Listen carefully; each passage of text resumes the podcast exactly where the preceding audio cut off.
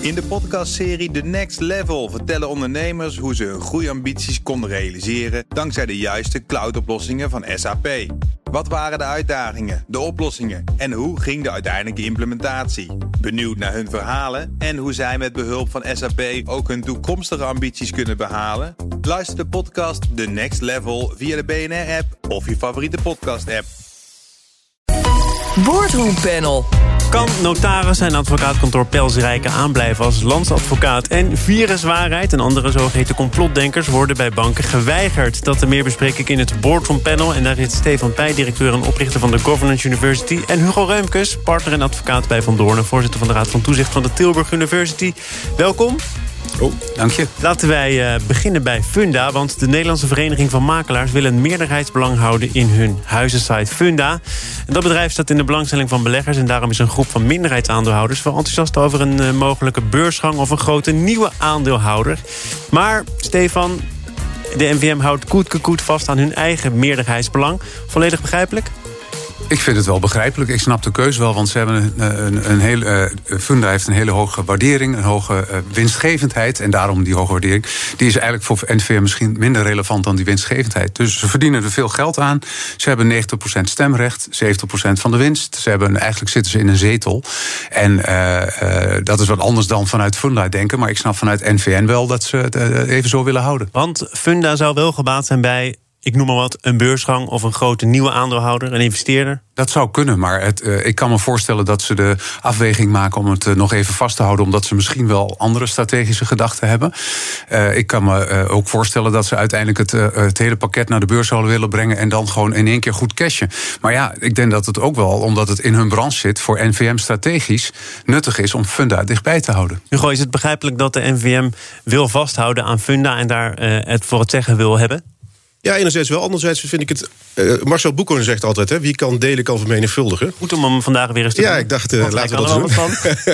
maar die, uh, die uitspraak die klopt hier wel. Wat gekke is, is dat Funda is natuurlijk een makelaarssite nu. Maar je ziet aan allerlei andere sites dat die platformen heel belangrijk zijn. En die kennis is niet bij de grote aandeelhouder op dit moment aanwezig. Dus ik zou me ook kunnen voorstellen dat als je het strategisch belangrijk vindt... dat je ook een aandeelhouder toelaat, een strategische aandeelhouder... die juist die platformfunctie van Funda ook extra extra steun geeft. En dat zou misschien ook de sleutel kunnen zijn in het conflict dat er nu ligt. Dat is ook wat eh, de directeur van Funda zelf zegt in het FD. Ook lid van ons ondernemerspanel, Quinten Schevernels. Uh, hij zei daarover, als je met de NVM een aandeelhouder hebt... die diep geworteld in de makelaardij zit... is het heel fijn als je een andere aandeelhouder erbij zou hebben... die meer in de platformtechnologie zit.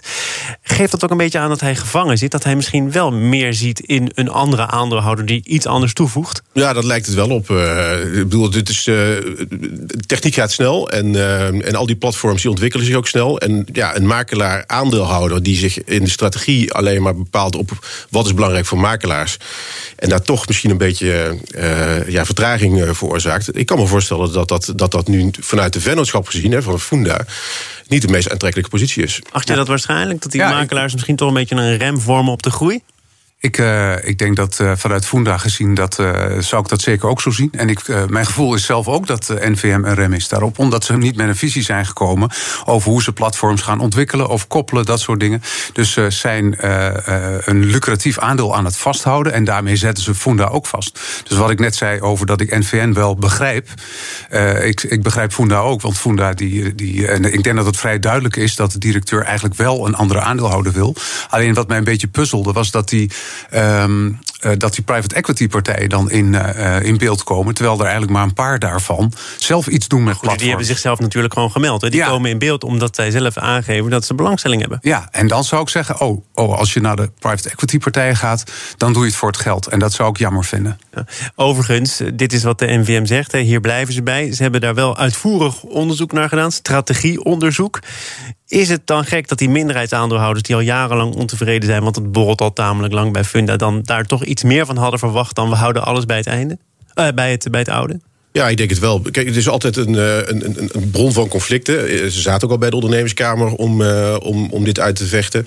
Nou, dat stond nu stil. Ik had wel verwacht dat in dat strategisch plan daar ook rekening mee zou worden gehouden. En eigenlijk door te zeggen, nou, voorlopig blijven we deze koers vasthouden, zeg je eigenlijk tegen de minderheidsaandeelhouders uh, dat je dat niet wil. En je zegt bovendien tegen de vennootschap zelf ook nog eens een keer dat je die platformfunctie uh, ja, minder belangrijk vindt dan je eigen rol erin. En daar gaat het denk ik wel schuren. Dus ik ben benieuwd waar dat naartoe gaat. Ja, ik denk in het algemeen ook dat we hebben natuurlijk een, een niet een trend, maar echt een structurele ontwikkeling naar goed aandeelhouderschap. Uh, wat, wat door bijvoorbeeld Eumedion heel sterk wordt bepleit. Daar is NVM natuurlijk niet aan gebonden. Maar ik denk in het kader van goed aandeelhouderschap dat NVM wel iets zal moeten gaan doen uh, voor Funda. Dus, ja, zou het nou ook zo kunnen zijn dat als je de NVM bent en je wil af van al het trammeland, dat je dan zelf zegt, nou dan kopen wij toch die certificaten, dan hebben we het helemaal in handen. Ik begrijp dat dat een financieel risico zou zijn, hè? Maar dan ben je er wel vanaf. Ja. Ik denk eigenlijk dat ze dat prima zouden kunnen doen. Want uh, het wordt op dit moment, vind ik, wel heel erg hoog gewaardeerd. Volgens mij is het wel 30 keer de netto winst of zo. Ik denk, nou, vind ik wel een beetje. Uh, lijkt mij uh, over de top. Dus als je 30 keer de winst moet betalen om die 10% zeg maar binnen te krijgen.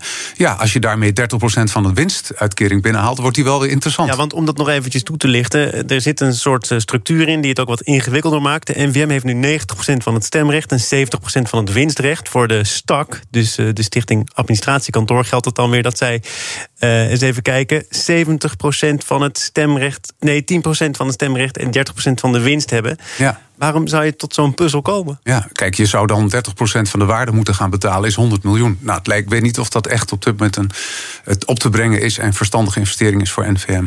Nou is het zo dat de NVM wil dat die minderheidsaandeelhouders, die dus eh, zich verenigen in de Stichting Administratiekantoor, hun aandelen verkopen aan een aandeelhouder die een belang krijgt in Funda en andere deelnemingen van de NVM mogelijk. Maar Hugo, daar gaat de NVM toch niet over aan wie een minderheidsaandeelhouder eventueel zijn aandelen verkoopt? Nee, in alle, alle zaken die richting de ondernemerskamer gaan, dan gaat het juist ook over die positie van de minderheidsaandeelhouder. Die zit toch een beetje eh, tussen twee, eh, twee vuren in. En daar moet je dan goed naar kijken. Als ik het goed begrijp, is de klacht hier ook precies die structuur die je noemt. Dat als je die aandelen verkoopt, door die rare structuur kun je niet iemand aan boord krijgen die voldoende zeggenschap en winstrechten heeft om dat ook lucratief te maken. Dus je kunt die belangen ook niet goed kwijt. En daarom is denk ik uh, het alternatief dat door de minderheid wordt voorgesteld nou, van een beursgang ook wel aantrekkelijk. Uh, ja, en is het misschien nu vanuit de vennootschap in de minderheid ook wel teleurstellend dat de strategie zoals die ontwikkeld is daar niet in voorziet. Nou, je kunt zeggen, misschien vormen die makelaars de NVM nu een rem op de groei. Maar nog even terug naar het begin. Funda is natuurlijk wel een razend knap succes, of niet? Het is een belangenvereniging die dit toch maar uit de grond gestampt heeft. Ja. ja. Tegelijkertijd, het aantal huizen wat op dit moment wordt verkocht... is natuurlijk heel laag. Dus, uh, wordt, wordt, wel heel veel gekeken op. Wordt heel veel gekeken, maar je zou al, te zijn. Ja, maar additionele diensten, bijvoorbeeld het uh, hypotheken of andere zaken, uh, is natuurlijk ook interessant om, om te kijken of je daar bij kunt zetten. En ik denk dat dat juist ook in die platformsetting het verschil zou kunnen maken. Ja, ik, heb het, ik heb dat wel aan Quinten Schevernels gevraagd, want die ziet natuurlijk ook wel dat het potentieel van Funda nog niet helemaal wordt benut. En aanpalende diensten die liggen voor de hand. Hè. Ze zitten er op een schat met data waar je heel veel mee kunt. Ja, dat, gebeurt nu dan nog. Kunt zeker zeggen dat het potentieel nog niet goed wordt benut. Want uh, je hebt het, uh, de kans om op te schalen. Je hebt de kans om te connecten met andere platforms. Je hebt de kans om nieuwe producten te ontwikkelen. Dus strategisch kan er een heleboel. En uh, ik kan me wel voorstellen dat er heel veel frustratie is dat het vastzit. Maar ik kan me niet voorstellen dat ze veel succes gaan halen bij de ondernemingskamer. Ja, want hoe zorg je er nou voor dat dit niet weer alleen maar escaleert en een juridische procedure tot gevolg heeft. Want dat, dat zou niet voor het eerst zijn. Rommel je zo een beetje op weg naar het einde? Ik denk dat je gewoon het klassieke echt goed met elkaar in gesprek moet. Uh, en, uh, en dan vervolgens ook. Uh, maar lukt dat nog na zoveel jaren van oplopende spanningen? Ik denk als je professioneel bent wel. Ik kan me voorstellen dat er emoties zijn. Maar dan moet je misschien even iemand anders vragen dat voor je te doen. Ja, de sleutel zit misschien ook nog wel bij de vennootschap zelf. Dat wordt nu erg vanuit de grote aandeelhouder bekeken. En dat is mooi geweest, wat je zegt. Het is mooi ontwikkeld. Maar de, de ontwikkeling leidt ertoe dat er nu een vennootschap is met een eigen belang. En met eigen mogelijkheden. En de vraag is of de aandeelhouder daar zo dominant in zou moeten, moeten gelden. En jouw antwoord op die vragen lijkt mij voor de hand te liggen? Ja, dat de vennootschap waarschijnlijk zal zeggen... wij willen verbreding, we willen geen afscheid nemen van het verleden... maar we willen wel verder in de toekomst. Over uh, uh, het verleden en de toekomst gaan wij nu ook door. Zaken doen. Het boardroom panel is er namelijk met Stefan Pij, directeur en oprichter van de Governance University... en Hugo Reumkes, partner en advocaat bij Van Doornen... voorzitter ook van de Raad van Toezicht van de Tilburg University. Het notarissen- en advocatenkantoor Pelsrijk is hard geraakt... door de miljoenenfraude van Frank Oranje. Eh, na onderzoek... Eh, naar de zaak is afgelopen week besloten dat het kantoor onder verscherpt toezicht komt te staan van de Haagse Orde van Advocaten. En ondertussen wordt ook steeds vaker de vraag gesteld of Pelsrijken nog wel landsadvocaat moet blijven. Stefan, deze affaire blijft zich uh, voortslepen. Voor de mensen die de eerdere afleveringen hebben gemist, wat speelt er precies bij Pelsrijken? Ja, Pelsrijk is de landsadvocaat. Er is een grote fraude geweest van uh, notaris eh, Frank Oranje. En uh, die fraude is, ondanks dat er dat hij van alles heeft gerommeld met urendeclaraties en rente, noem maar op, heel laat eigenlijk pas opgemerkt. Eigenlijk pas toen het de perken uitliep. En op basis daarvan is een discussie ontstaan die breder is. Namelijk, is er wel genoeg, zijn er genoeg checks en balances in zo'n notariskantoor en überhaupt bij notariskantoren in het algemeen. En die discussie wordt ook gevoed, zeker aan de hand van deze zaak, omdat blijkt dat die fraude zich al langer uitstrekt over meerdere zaken. Die Lloyd heeft daar onderzoek naar gedaan. Hoe schadelijk is dat? dat er steeds blijkt dat het dieper zit dan eerder werd aangenomen? Nou ja, het, het is dieper, het is uh, breder, het is uh, omvangrijker, dus het is heel heftig. Dus dat is, dat, is, dat is heel erg. Tegelijkertijd blijft het nog altijd hoofdzakelijk toe te schrijven aan één persoon, Frank Oranje, die zich van het leven heeft beroofd. Ja. Kun je daarmee zeggen, ja, het is niet een probleem voor Pelsrijken. Of het is wel een probleem voor Pelsrijken, maar het zit niet in de hele organisatie? Nou, wat Pelsrijken nu goed doet in zijn toonzetting inmiddels... is dat ze uh, zich eigenaar hebben gemaakt van het probleem. Eh, eerst waren ze altijd bezig van ja, dat is meneer Oranje geweest, een geïsoleerd verhaal. En nu hebben ze wel, omdat ook duidelijk wordt uit onderzoek dat in de cultuur, in de eh, structuur, geen gedragscode, de structuur, geen compliance officer, geen vaste financieel bestuurder. er werden vraagtekens gesteld bij de professionaliteit van het bestuur. Nou, dat is natuurlijk wel heel erg als je dat zo op een rijtje zet. Dan denk je, nou, dan heeft Pels Rijken denk ik de verstandige keus gemaakt door te zeggen, ja, wij zijn eigenlijk eigenaar van het probleem. En daarmee is de discussie ook op straat of ze land advocaat kunnen blijven. al die problemen die jij nu noemt, die dus wel tamelijk diep geworteld zitten binnen een organisatie, die komen dan min of meer per toeval aan het licht, omdat er nu een incident speelt. Maar het is kennelijk al jaren aan de gang. Hè, Waar je het over hebt, over gebrekkig bestuur, over eh, onvoldoende dialoog, over een open cultuur. Dat had anders gewoon door kunnen gaan. Ja, dat had anders nog heel lang door kunnen gaan. Omdat er volgens mij in de breedte wel een cultuur is. En nou ben ik natuurlijk heel kritisch ten overstaan ook van een partner van een uh, advocaat- en notariskantoor.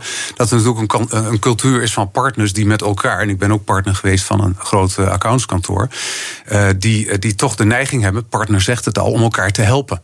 Dus elkaar de maat nemen, echt kritisch naar elkaar zijn. Dat is niet de cultuur waar die sector zeg maar uitkomt. En dan zeg ik het natuurlijk heel vriendelijk. Ja, je hoeft ook niet alleen mij aan te kijken hoor. Je mag ook naar Hugo kijken. Dus, Herken Hugo. je je daarin? Ja, ik denk dat uh, wat er in de financiële crisis is gebeurd... is dat bij de banken natuurlijk allerlei problemen naar boven kwamen. En daar zijn maatregelen genomen. Daarna waren de accountants aan de beurt, de notarissen. En nu is natuurlijk de vraag, hoe zit dat in de advocatuur in een brede zin? Ik ben zelf twee termijnen bestuursvoorzitter geweest van, uh, van mijn kantoor... en heb me daar ook intensief mee bezig gehouden. En de vraag is natuurlijk dat je topkwaliteit wil leveren... en je wil nooit op het terrein van compliance of integriteit... ter discussie komen te staan. Dat is natuurlijk uitermate pijnlijk voor de andere partners. Je zei terecht, het is er maar één... Uh, kijk, over de casuspelsrijken kan en wil ik niet zoveel zeggen. Maar, maar wat, ja. wat, Stefan zegt, namelijk dat het hele partnermodel eigenlijk belet dat je elkaar eens kritisch aanspreekt, dat je elkaar de maat neemt. Is dat zo? Nee, dat denk ik niet. Ik denk juist dat het, uh, dat het ook aanscherpt. Maar het is wel goed om na te denken over een structuur waarbij bijvoorbeeld intern toezicht. Uh, of, of nadruk op compliance. Een echte goede compliance officer die ook uh, rapporteert op de juiste manieren. Dat is iets wat uh, in de advocatuur nog geen standaard is. wat in de accountskantoren nu wel aan bod is. Is dat overigens niet vreemd? Want ook Pels Rijken komt pas in actie. En niet zomaar in actie, als je zo het lijstje van Stefan hoort. Nadat er dus iets grandioos is misgegaan. Ja, maar dat is vaak hè, dat er incidenten zijn. En dat, dat daarop wordt gereageerd. Dan wordt er soms ook wat over gereageerd. En dat moet dan weer een goede balans zien te vinden. Maar dat het, dat het moet veranderen, dat staat volgens mij wel uh, breed vast. En ik zie in de hele sector, ook bij mijn eigen kantoor, dat daar natuurlijk discussies over worden. Als je kwaliteit wil leveren, waar jouw antwoord mee begon, dan wil je toch ook zorgen dat dat intern ook zo is. En dat er dus voldoende bestuurlijk toezicht is. En dat de risico's in kaart worden gebracht. En kennelijk zeg jij, dat is dus niet de standaard. Ja, nou ja, kijk, als je daar bijvoorbeeld een extern raad van commissarissen zou opzetten, blijft de vraag of die externe commissarissen dit soort incidenten zouden opvallen. het is meer dat de, de, procedures en de cultuur, waar het volgens mij vooral om te doen is, dat die op orde zijn. ik denk dat een, een, een, echte fraudeur, die komt altijd wel ergens een gaatje tegen waar die weer mee wegkomt. Maar je wil juist dat die slag wordt gemaakt. En daar is denk ik eh, je punt terecht dat het steeds een incident nodig heeft om die volgende stap te maken. Dat zag je dus bij de banken, bij de accountants en nu, en nu ook bij de, bij de advocaat. Ja, ik neem aan dat elk eh, advocaat en notariskantoor nu een, een traject in is gegaan uh, om, te, om te waarborgen dat, je dat, dat dat jou niet overkomt. Ja, ja, en die waren er al. Hè. Er is ook extern toezicht uh, zeg maar van overheidswegen. Ja. Maar dat was ook vrij dun. Uh, dus zal ook, daar zal ook in geïnvesteerd worden. Uh, dus dat is allemaal nodig om... Ja, ook, het is een onderdeel van de rechtsstaat. Hè. Ja. nou, ik ben advocaat, maar daar wil ik ook iets over zeggen. Het, het, het functioneren van de, rechtsstaat staat, staat in die, die, zin ook ter discussie. Dat is ook de vraag over de, de, de landsadvocatuur. En hoe, breng, hoe breng je dat onder? Maar het is ook het vertrouwen in zo'n systeem.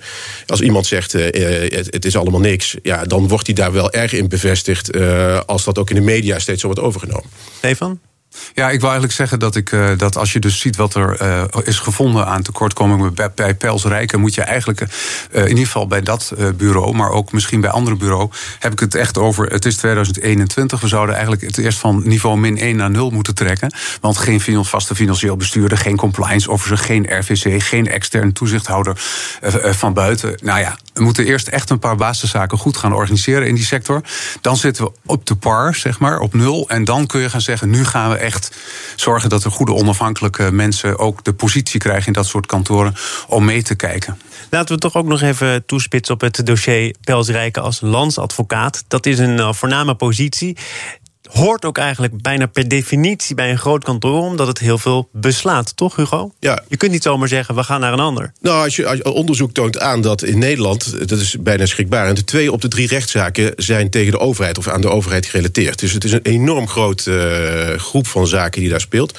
Dus dat de overheid uh, als, als uh, organisatie ook een advocaat nodig heeft om een positie goed in kaart te brengen of in procedures te vertegenwoordigen, dat staat vast. En dat dat hoogspecialistisch werk dat staat denk ik ook vast. Hè. Dat, dat, dat zijn soms gewoon zeg maar, recht toe aan vreemdelingenzaken, maar het zijn ook de ingewikkelde zaken die, uh, die we hier bespreken. Ja, en dat allemaal moet uh, bij zo'n kantoor worden ondergebracht. En dat vergt inderdaad een kantoor met veel specialisten. En die zijn er niet zoveel, want de meeste kantoren willen hun handen vrij houden om ook tegen de overheid te kunnen optreden. Pels Rijken had dat niet. En uh, nou ja, je ziet ook dat uh, Grapperhaus in de Kamer het allemaal aanhoort en zegt van ja, ik, ik, ik hoor wat je zegt, maar weet in zijn achterhoofd als oud-advocaat ook wel dat er geen andere kantoor in de coulissen staat. Dus het is een keuze uit armoede? Nou ja, misschien uh, in die zin wel. Maar het is, het is natuurlijk een instituut dat zo is uh, ontstaan. Uh, we willen ook niet dat de overheid dit zelf organiseert. In die zin dat advocaten in dienst van de overheid dit doen. Dat, dat heeft ook te maken met wat we noemen trias politica... en de scheiding van de machten en alles wat erbij komt. Dus het, het is heel precair. En de vraag is of het incident wat bij één managing partner zich heeft geconcentreerd moet leiden dat het zo is. En daar doet denk ik Pels Rijken wel goed aan om te laten zien dat zij in staat zijn om die slag die iedereen nu verwacht ook te maken. Maar laten we even kijken naar hoe dit dan toch de positie van Pels Rijken als landsadvocaat zou kunnen beïnvloeden. Ik las een stuk van emeritus hoogleraar vermogensrecht Gerrit van Maan in NRC. Die zegt de staat moet weg bij Pels Rijken. Ten eerste omdat de overheid ook bestolen was door Oranje, maar ook omdat de staat Pels Rijken heeft ingezet in duizenden procedures waarbij burgers en bedrijven de maat werd genomen. Nou las ik gisteren ook nog een stuk op advocatie.nl van Jaap Baar. En hij zegt het feit dat de overheid kennelijk vertrouwen houdt in de landsadvocaat... zou eigenlijk moeten betekenen dat ook burgers en ondernemers... het voordeel van de twijfel gegund moet worden. Ja. Gaat deze hele situatie bij Pelsrijken ook van invloed zijn op hoe de overheid kijkt naar andere ondernemingen of burgers? Ja, ik, uh, ik ben het wel eens met de tweede professor. Eh, de eerste professor is erg uh, radicaal, van dat kan gewoon niet meer enzovoort, punt. Uh, denk ik toch een beetje van wie zonder zonde is, werpen de eerste steen. Je probeert gewoon, ik denk dat Pels Rijken gewoon goed aan het werk gaat... en heel bewust is van wat er gebeurd is. Een harde klap voor de rest van het bedrijf wat daar gebeurd is. En die zullen heel bewust daarmee bezig gaan. Dus misschien worden ze wel de beste landsadvocaat ever. Nog los van het... Nou, ze zijn het ook al sinds 1969. Ja, nou ja, en misschien, misschien moet je eerder gaan nadenken, en nu maak ik hem wat breder, uh, over het hele fenomeen landsadvocaat. Kunnen we niet gewoon naar een heel andere constructie? Waar moet je een landsadvocaat nou, Dat heeft u gewoon net geprobeerd uit te leggen. maar ja, goed, een, een, een advocatenkantoor kan toch ook uh, voor grote klanten... Hè, stel je voor, je hebt Shell, uh, die heeft toch ook meerdere advocatenkantoren. Die, die, daar wordt ook heel veel tegen geprocedeerd. Ja, maar in de advocatuur is het uh, begrip tegenstrijdig belang. dat hoort ook bij integriteit. Je kunt maar één meester dienen en dat soort elementen hoort daarbij. En door een landsadvocaat te creëren, voorkom je al die problemen. Ja. Ik denk dat, ik, ik vind de meeste publicaties erover vrij ongenuanceerd. Want niemand noemt een alternatief. Uh, je kunt alleen maar de vinger op de zere plek leggen, dat snap ik wel. Maar wat, hoe dan verder? En dat staat er niet. Uh, en ik denk dat het veel beter is om, om goed na te denken hoe dat ene incident de zaak kan verbeteren en, en op te lossen. En, en, en niet nu zeg maar, het hele systeem overhoop te halen. Want dat gaat één slag te ver. We gaan naar hoe uh, banken te werk gaan. Want banken en betaaldiensten blokkeren rekeningen van organisaties... die zij beschouwen als verspreiders van nepnieuws over corona, vaccinaties. Geldt onder andere voor de Rabobank en Triodos Bank... die viruswaarheid hebben geweigerd als klant. Stefan, heb je daar begrip voor? Ik, uh, ik heb daar begrip voor. Ja. Ik uh, vind uh, dat banken volgens hun eigen normen en waarden mogen kijken. Ik vind dat banken überhaupt veel te veel maatschappelijke taken op zich krijgen. Banken zijn net als advocaten, notarissen en accountants het cement van onze samenleving, economie, maatschappij. En ik vind dat die ook wel erg klem worden gezet doordat ze steeds meer maatschappelijke taken krijgen. Hè. Als poortwachter bedoel als je? Als poortwachter, opsporingszaken, UBO-check. Dus die de uiteindelijke eigenaar opsporen. En uh, dan heb je bij dit soort klanten die dus uh, relatief uh, heel duur zijn. En waar ook zomaar een deel van je klanten, bestaande cliëntelen, op weg kan lopen. Bedoel je dat ze heel duur zijn? Nou, Waarom ze is zijn een rekeninghouder als viruswaarheid duurder dan dat ik een rekening open ben? Ja, ja, ja, want je moet eigenlijk ze constant monitoren. Dus het is compliance-wise zijn ze veel duurder. Je zou anderen ook voortdurend moeten monitoren, is de afgelopen zeker, jaren wel gebleven. Zeker, zeker, zeker. Maar ik denk toch dat bij de mensen in deze ruimte... dat ze daar minder energie in hoeven te stoppen dan bij viruswaarheid. Nou, Hugo Onderschat onderschat ons niet. Jij zegt mensen moeten kijken als organisatie naar hun eigen kaders. Maar dit zijn organisaties die binnen de wet blijven. Dat schrijft de Rabobank zelf ook. Hè. Rabobank faciliteert geen initiatieven die actief complottheorieën en andere bewezen desinformatie verspreiden. En daarbij richten we ons dan vooral op de activisten. Want de radicalen kunnen we al via de wet aanpakken. Maar waarom zou je ook organisaties die dus binnen de wet blijven, die eigenlijk vrij weinig onoorbaars doen, wettelijk gezien, moeten weigeren als klant? Ja, ik zou misschien wel breder willen trekken. Toen Facebook of Twitter uh, zei tegen Trump: uh, je mag niet op. Hè, dan zeg je tegen de president van de Verenigde Staten eigenlijk: uh, je voldoet er niet aan. hier is het een beetje hetzelfde. Er is een onderscheid wel tussen particuliere en zakelijke klanten. Particulieren kunnen altijd Die een rekening een openen. rekening. Ja. ja dus ook al word je verdacht van allerlei criminele activiteiten, dan is dat wel het geval. Uh, die algemene bankvoorwaarden bieden wel enorm veel mogelijkheden om van alles onder te schuiven. En ik denk dat daar wel uh, een, een, punt gemaakt zou kunnen worden dat het wel, wel zorgvuldig moet. Uh, je moet. Je moet goed kijken wanneer doe je dit wel en wanneer doe je dit niet. ik ben met Stefan eens dat al die taken die zijn gekomen, die zijn complex. Uh, maar het is duidelijk dat een bank als Triodos bijvoorbeeld... Uh, die heeft een heel ander profiel uh, dan, dan ABN AMRO, om dat maar zo, zo, te noemen. En dat die in het kader van hun eigen profiel... ook kritisch zijn naar de klanten die ze bedienen... ja, dat, dat, dat vind ik wel terecht. En Overigens moet je ook weer een onderscheid maken tussen organisaties... die al klant zijn, want die mag je niet zomaar lozen. ING heeft geprobeerd om afscheid te nemen van viruswaarheid... heeft de rechter een stokje voor gestoken. En dus is viruswaarheid nu op zoek naar een nieuwe bank. Veel succes denk ik dan? Want tot die tijd hebben ze dus een rekening bij ING. Ja. Of zie ik dat ja. verkeerd? Ja, het was ook een beetje een trucje. Hè? Want uh, ze hebben eigenlijk op een compliance probleem uh, gezegd... je kunt hier niet langer blijven. En zo zal het waarschijnlijk in de toekomst vaker gaan... dat, uh, dat ze niet de principiële discussie willen voeren... maar dat ze veel meer zeggen... je, hebt de, je bent niet compliant en daardoor kunnen we je niet meer die diensten aanbieden. En viruswaarheid heeft dat succesvol bij de rechter aangetast. Nou ja, dat, dat is misschien ook maar een incident. Maar de grote brede lijn is denk ik wel dat banken daar kritisch op moeten zijn, maar ook zorgvuldiger. Ja, ik denk dat we het ook kunnen vergelijken met bijvoorbeeld, stel je voor dat, dat ik nu in de problemen kom qua integriteit, ik word niet eens veroordeeld. Zou jij me dan nog uitnodigen voor dit panel? Dat is een uh, goede vraag. Daar ga ik zeker nog een weekje over nadenken. Ben je volgende week alweer uitgenodigd uh, of niet? Ik heb nog geen nieuwe uitnodiging. dan hebben we nog even tijd. Ja. Misschien zijn we wel iets op het spoor. Ja.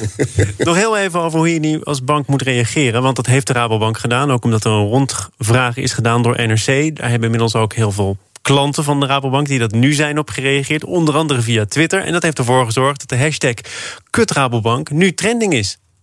Ja. Dus dan denk je er misschien wel goed aan te doen. Ja ook voor je loyale klanten, om dit kenbaar te maken. En vervolgens zeggen er ook mensen: ja, maar je hoort niet alleen mij te bedienen, je hoort iedereen te bedienen. Nou, misschien ben ik wel aanhanger van viruswaarheid, of denk ik er anders over dan de bank. Wie ben jij om voor mij te scheidsrechteren? Ja.